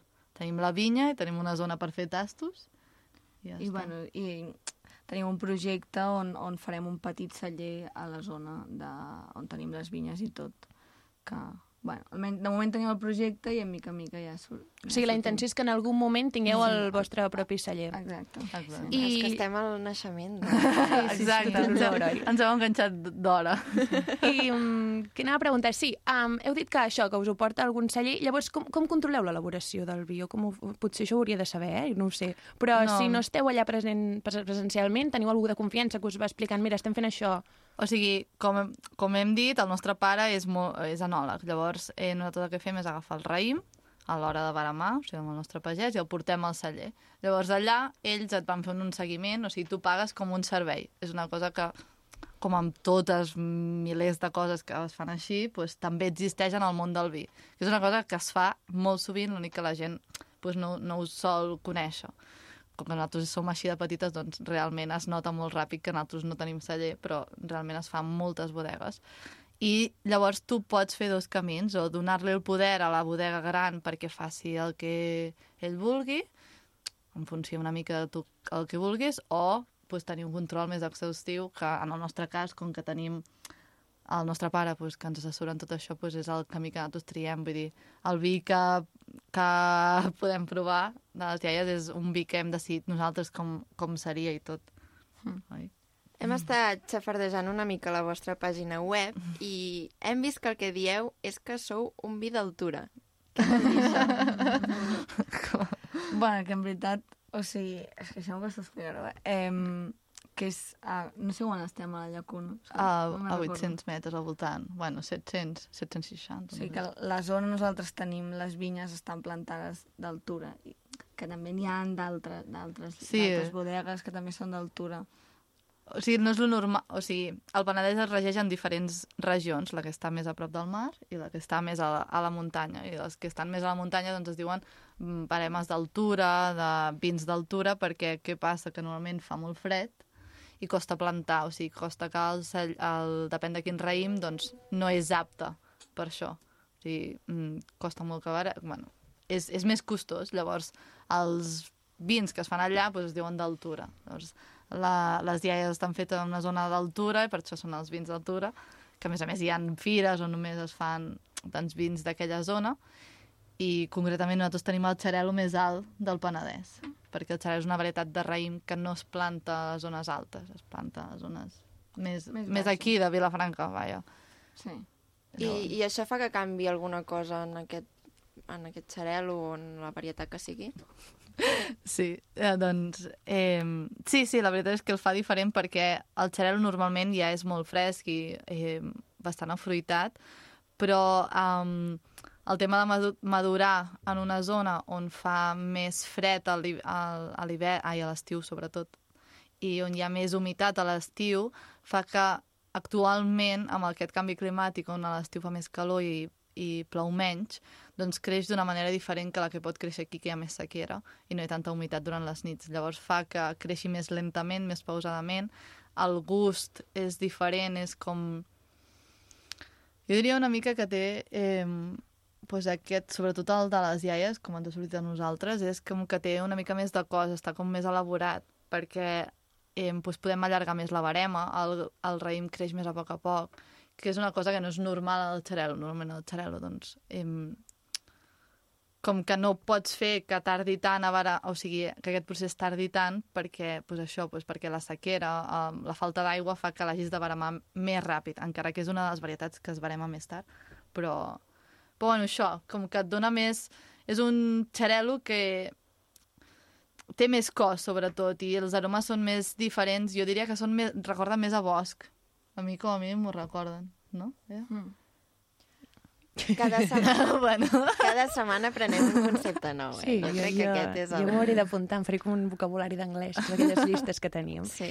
Ah, jo volia per preguntar una cosa, que he llegit que el primer, que el primer vi que vau elaborar es diu, a veure si ho dic bé, eh? Escostes. Sí, sí, sí. Vale, és un, és un vi blanc? Sí. Sí. Vale, què, per què li vau posar aquest nom? Què, què, què, té, què vol dir escostes? Perquè m'ha costat i tot llegir-ho i potser hauria de saber-ho, però no, no sé d'on ve això. No, no. Um, les costes és, és la zona on tenim la nostra vinya. O sigui, és, la, és una zona bastant gran, però està molt a prop de la llacuna i és just on, on tenim nosaltres les vinyes. Llavors, hem a les costes, o sigui, el nostre vi a les costes és el que és 100% xarelo i és el més jove i, no sé, vam decidir posar-li a, a aquest en homenatge on estaven plantades les, les iaies. Mm -hmm. És, és el nom, com de la zona on està plantat. Vale, i bueno, ara diguem això, no? que el primer vi és aquest, però teniu dos, mi, dos vins més, sí. oi? Que són el vi blanc Barraca i el vi negre Roca del Frare. Sí, sí els noms. Ten, tenen significat, també. Sí. La barraca um, és perquè, bueno, com que hem dit que les, les vinyes les cultivaven els nostres avis i això, el nostre avi en un moment pues, va decidir construir una barraca allà a les, a les nostres vinyes i vam dir, com a homenatge, doncs ens agrada molt el nom de la barraca. És, és vi blanc també, l'únic que està fermentat amb bota de castanyer, llavors és més cremós. Sí, té un toc més gran. Sí. I la roca del frare, que és el negre, es diu roca del frare perquè um, a la llacuna hi ha un, una roca que es diu la roca del frare. I, bueno, és una ruta molt maca per anar a fer. Eh, I, de fet, bueno, mi germana i jo sempre ho expliquem, que va ser com una... Un dia així vam anar a caminar, jo i ella, i ja teníem com aquesta idea plantejada en ment de començar a fer el projecte de les iaies, i com vam anar caminant a la Roca del Frare, um, vam com parlar-ho en aquell moment quan estàvem caminant i no sé, va ser després com hem ja fet el negre vam dir, uah, doncs hem, hem de posar aquest nom per Exacte. aquell dia que se'ns va acudir el projecte, realment. Al final tot, tot té una mica de vinculació entre Sí, tot, sí. oi? Sí, perquè després hi ha l'oli de la iaia Maria, que és la nostra besàvia, la iaia de la nostra mare, l'àvia de la nostra mare, i pues, és honor a ella perquè era com la matriarca de la família. Sí. I després ara, just en un mes i mig, doncs també traurem un cava, el nostre primer cava. Ah, mira. Exclusiu. És el, ho vam publicar aquest diumenge ja Sí, sí, que Instagram. Sí, sí. I es dirà la pleta de la llacuna, que és, bueno... També en honor, no? A... Sí, a, a, la, a, la, a la que va ser bueno, la nostra gossa, que es Molt va, bé. es va morir aquest Bueno, i de fet, també Pleta és just la zona abans d'arribar a una vall Exacte, i les escostes on tenim les nostres vinyes és just aquesta zona. Exacte. O sigui que és com tot, tot està relacionat. Tot té relació, tot té Exacte. relació. doncs parlant una miqueta dels vostres productes, si us sembla bé, passem al que seria La cata. la cata, La cata. El, del vi destacat. Què ens porteu, vosaltres, noies?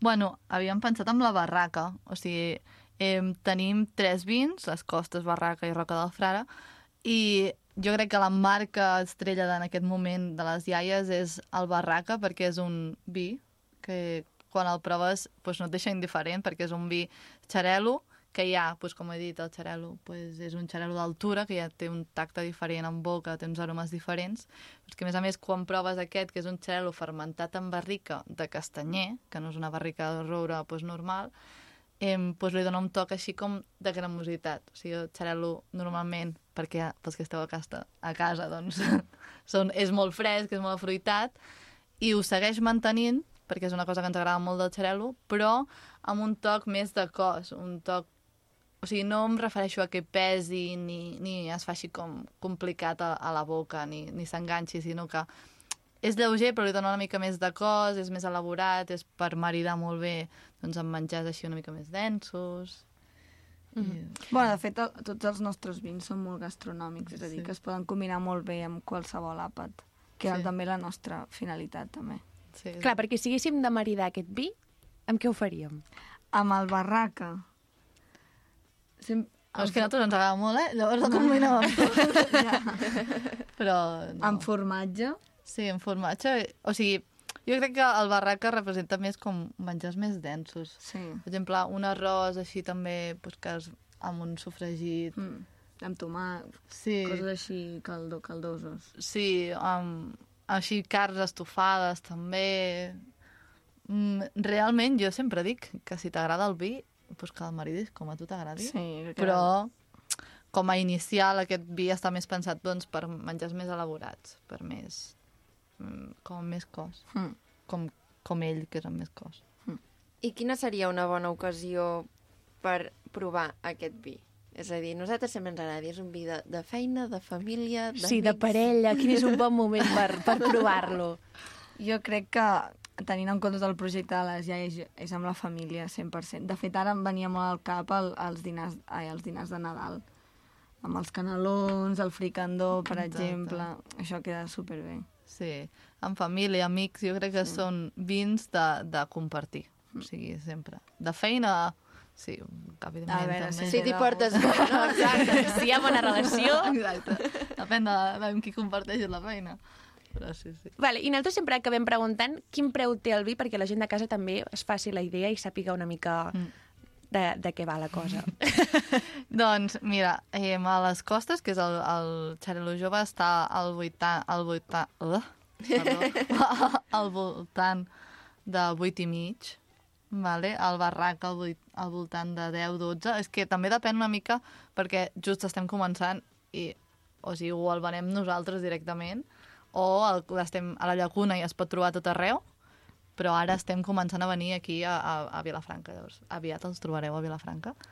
Eh, però això, doncs, a les botigues el trobareu entre 12, 10-12, Barraca, i el Roca del Frare pues, seria una mica doncs, el, el que va a ronda els 15.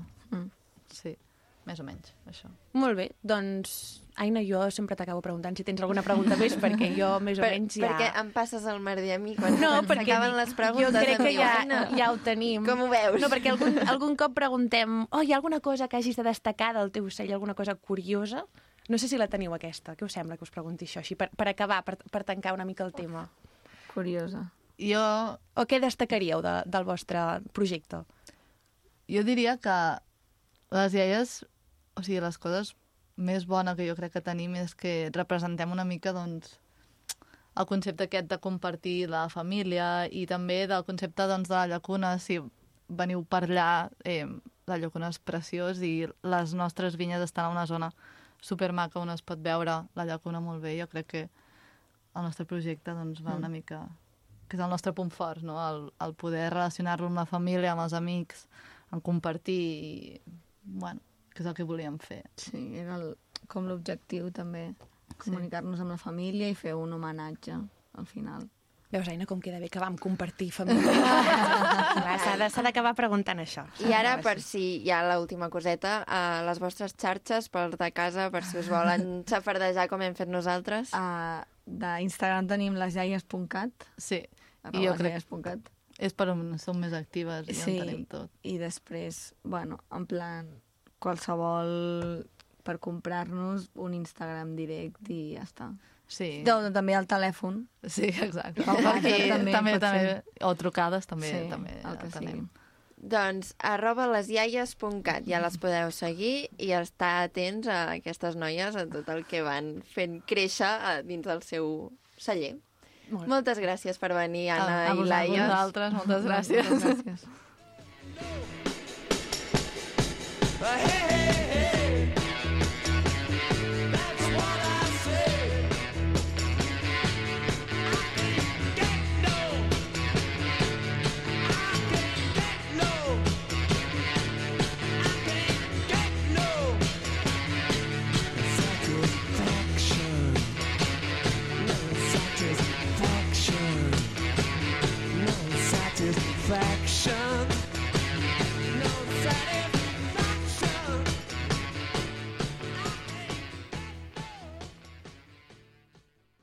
I ara recuperem una secció del Penedès en xarxa d'aquesta setmana amb la Sílvia Delgado. Avui es tracta d'una entrevista a la presidenta de la xarxa, Laura Jiménez, que just avui reprèn la temporada d'espectacles familiars.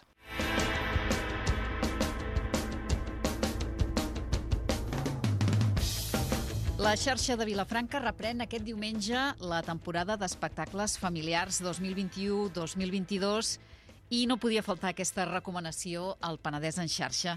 Us volem presentar els cinc espectacles, tot parlant amb la seva presidenta, la Laura Jiménez. Bon dia, Laura. Hola, molt bon dia. Moltes gràcies per cedir-nos aquest espai. I ara és un plaer, amb ganes de tornar-hi, no suposo, perquè l'aturada ha estat un pèl llarga. Sí, sí, sí, bueno, eh, han hagut algunes aturades. De fet, l'última no ens esperàvem, la mes de desembre, que vam tenir que parar. Però, bueno, això ha fet que aquesta segona part de la temporada vingui encara més plena que mai. Sí, una segona part molt potent, eh? Moltes propostes. Sí, sí, sí, algunes novetats i propostes noves molt, molt interessants. Doncs vinga, la intenció és fer-vos 5 cèntims d'aquests espectacles que han triat amb molta cura des de la xarxa Vilafranca i justament per celebrar el Dia Internacional de la Dona Científica, aquest diumenge al migdia heu convidat la Valentina Quàntica. Doncs sí, mira, la Valentina Quàntica és un espectacle de la companyia de l'Anna Roca i, com tu dius, el proper dia 11 de febrer és el Dia Mundial de les Dones i les Nenes Científiques. I bueno, hem aprofitat perquè què millor que aquesta obra que ens farà reflexionar sobre el paper tan important que tenen les dones a la ciència i que sovint doncs, és tan, tan poc reconeguda, no? Llavors, doncs, amb aquesta obra doncs, ens trobarem a la Valentina, que és una científica que té moltes curiositats i sempre està buscant respostes. Llavors ens, ens ensenyarà a trobar les, les respostes a través d'uns experiments en directes, xulíssims i molt divertits, ella i el seu ajudant, i amb uns vídeos de YouTube que, bueno, que fan molta gràcia, ja veureu com estan molt al dia aquesta científica i el seu ajudant. I ja us podeu imaginar que és una manera molt interessant d'aprendre i molt divertida. A partir de quina edat recomaneu la Valentina Quàntica? Aquesta vegada a partir de 5 anys. Però, bueno, eh, ja et dic, la interacció, per a més, hi ha moments molt divertits, però sí que és veritat que potser a partir de 5 anys seria una edat més recomanada perquè poguessin entendre també la part dels experiments i, i tot el, tota aquesta part. La resta d'espectacles a partir de 3-4 ja funcionen Sí. bé, no? Exactament, sí. sí, sí. D'aquesta manera, Sant Tornem-hi i el diumenge següent, per tant, aquesta vegada seran dos seguits, el 13 de febrer, recupereu sí. la Sireneta i l'illa de plàstic. Així mateix, sí, tal com ho dius. Sí, sí, aquest mes fem una excepció perquè normalment xarxa no fa dues obres en un mes, però com que el de desembre es va tenir que ajornar, doncs finalment hem aconseguit fer-ho aquest dia. I bueno, d'aquesta obra de la Sireneta i l'illa de plàstic poca cosa us, us en diré perquè ja sabem que la gent té moltes ganes de veure- veure-la i ha tingut una rebuda molt exitosa i sabem que la gent vindrà perquè és un musical, perquè agrada molt els musicals i perquè són uns personatges que els nostres nens i nenes reconeixeran molt ràpidament. Clar, no cal dir que és una obra que, que ens ajudarà a conscienciar la gent de la necessitat de fer un canvi i mirar el món amb uns altres ulls, estimar-lo i a cuidar més el nostre planeta, que és un missatge molt necessari per tothom, no només pels infants, clar, per, per totes les famílies i les persones que ho vegin. Pensem que és això, que tindrà un missatge molt bonic i, a més a més, l'obra és molt bonica pels infants. Com recordaves, aquesta proposta de teatre musical estava programada pel mes de desembre, es va haver d'ajornar sí. a causa de Covid a la companyia. Sí. Heu tingut Mhm. dificultats a tornar entrades o a reprogramar? Bueno, aquesta dificultat cal dir que pel tema del Covid és la primera que ens trobàvem. Per, per, per tema del Covid vull dir perquè un, perquè un tècnic de la companyia donés positiu, no? I esperem que no es donguin més casos.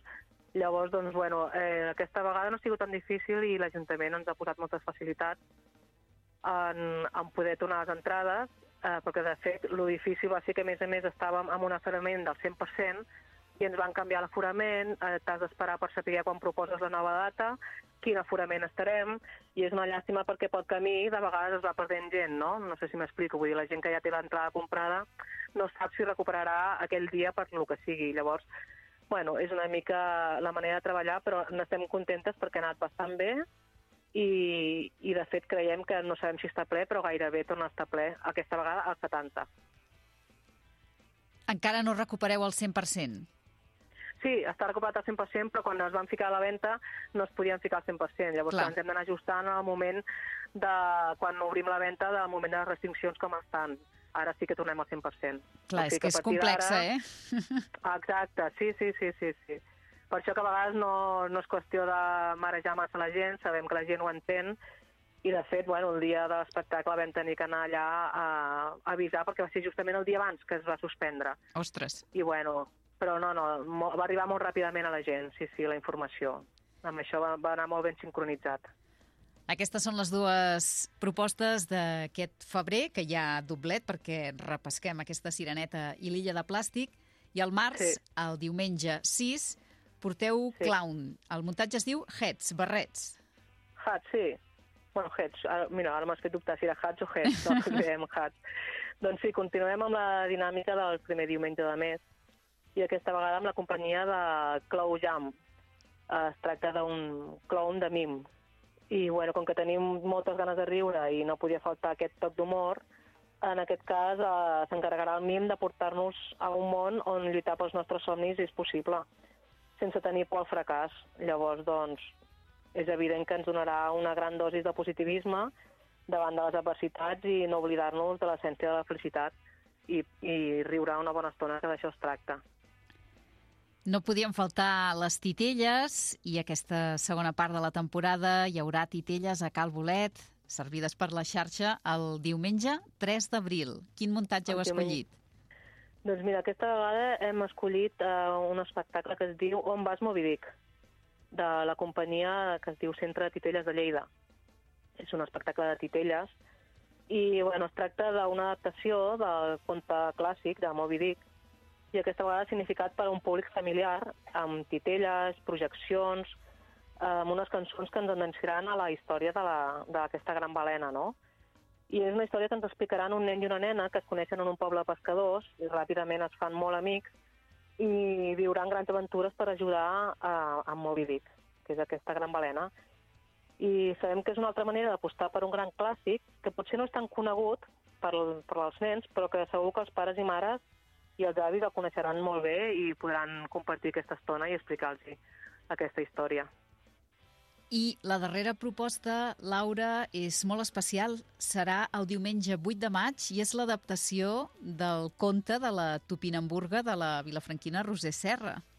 Sí. Com sí, ha anat? Sí, sí. Doncs mira, eh, estem molt contents, perquè mira, arriba el mes de maig, el mes de maig és un mes que no acostumem a programar, però aquesta vegada ens ha arribat una proposta doncs, que ens ha encantat i que no, que no podien deixar escapar, no? Eh, estem molt contentes perquè és una companyia local, i estem molt contentes perquè és una estrena. Vull dir que una estrena no es fa cada dia i això ens omple d'orgull també, no? I llavors doncs, parlem d'això, de la topinamburga i el món màgic de les plantes. És la companyia que es diu Lletres Màgiques. Eh, doncs dir-te això que has dit tu, que es tracta de l'adaptació del conte de la topinamburga, la ramallera, feta aquesta adaptació pel Toni Regueiro, per la Clara Cols i per la Roser Serra, i dir-te que és un conte doncs, molt bonic que segurament que molts vilafranquins i penedesencs ja coneixen, no? Doncs aquesta vegada eh, veurem aquest conte a dalt de l'escenari, amb una posada en escènica molt màgica i que segur que ens sorprendrà a tots. També dic que amb l'ajuda i la col·laboració de l'Antònia Bonell, el Jordi Givert, i la Roser Serra com a autora, com ens has dit, i, la, i actriu també, i junt amb la Mireia Sanàbria, i Antoni Regueiro de director, no?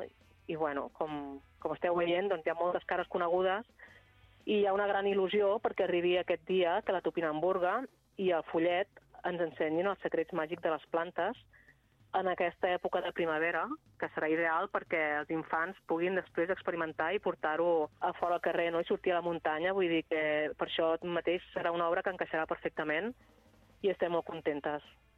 Quina il·lusió, és clar. Estrena absoluta per vosaltres. Deuen estar assajant ara ja. Sí, sí, sí, sí, sí. És tota de primeres, no? Llavors, doncs, quan ens va arribar la proposta, de seguida vam dir que sí i, i estem molt contentes i sí, tenim moltes ganes de veure-ho i que tingui una sortida i segurament una gran rebuda perquè és això, hi ha una gran feina al darrere i molta il·lusió. Quines ganes. La xarxa de Vilafranca sí. ens ho posa fàcil, programa cada primer diumenge de mes a les 12 a Cal Bolet, però per seguir totes les propostes i tot allò que fan hi ha una opció que és fer-se amic, oi? Explica'ns com va. Sí. Bueno, doncs a la nostra pàgina web eh, tens l'opció de fer-te amic i llavors t'arribaran totes les newsletters i us, us arribaran tota la informació i allà també podeu veure totes les obres que, que es van portant, podeu conèixer la xarxa, tot el món que ens mou, podeu eh, veure les xarxes socials, a través de molts llocs podeu conèixer totes les nostres, la, la nostra oferta. Dir-vos això, que totes les xarxeros i xarxeres que, que vagin reservant dates, que la cultura no s'atura i que, que ve més ganes que mai. O sigui que farem el possible perquè arribi el màxim de gent. I el públic familiar amb moltes ganes, oi?, de normalitzar i de gaudir amb aquestes propostes culturals i de retrobar-se. També hi ha aquest component social en aquestes trobades de la xarxa. Pensem que sí, pensem que sí. El que passa és que, bueno, que hem de tenir en compte tantes coses perquè actualment bueno, hi ha aquest respecte això de confinaments, de no sé què, vull dir, a vegades et sorprèn i com és que ara aquesta no té sortida, com és que sí, però és que realment al darrere hi ha una pressió molt gran, molt gran, i costa de veure-ho, però és la realitat, vull dir, jo mateixa, que si confinats els fills, que si no sé què, i llavors què passa? Que aquell dia no poden anar al teatre. Doncs, ostres, a veure si passa tot això i ja d'una vegada tirar tot endavant i que no ens podem queixar, però encara més, no? Vull dir, amb aquesta ambició sempre. I tant, quines ganes que en tenim tots, eh? Hi ha molt de cansament. Sí, sí que sí que n'hi ha. Sí, sí, a vegades ens oblidem, però bueno, ens obliguen a tenir els peus a terra i bueno, vindran temps millors. I tant que sí. Laura Jiménez, un plaer que ens hagis dedicat aquesta estoneta a presentar aquesta segona part de la temporada d'espectacles familiars de la xarxa. Els anirem recomanant més a més i moltes gràcies per acompanyar-nos. Moltíssimes gràcies a vosaltres, de veritat estem super encantades i molt contentes i unes ganes boges d'omplir el teatre. Gràcies a vosaltres. Adéu, bon dia.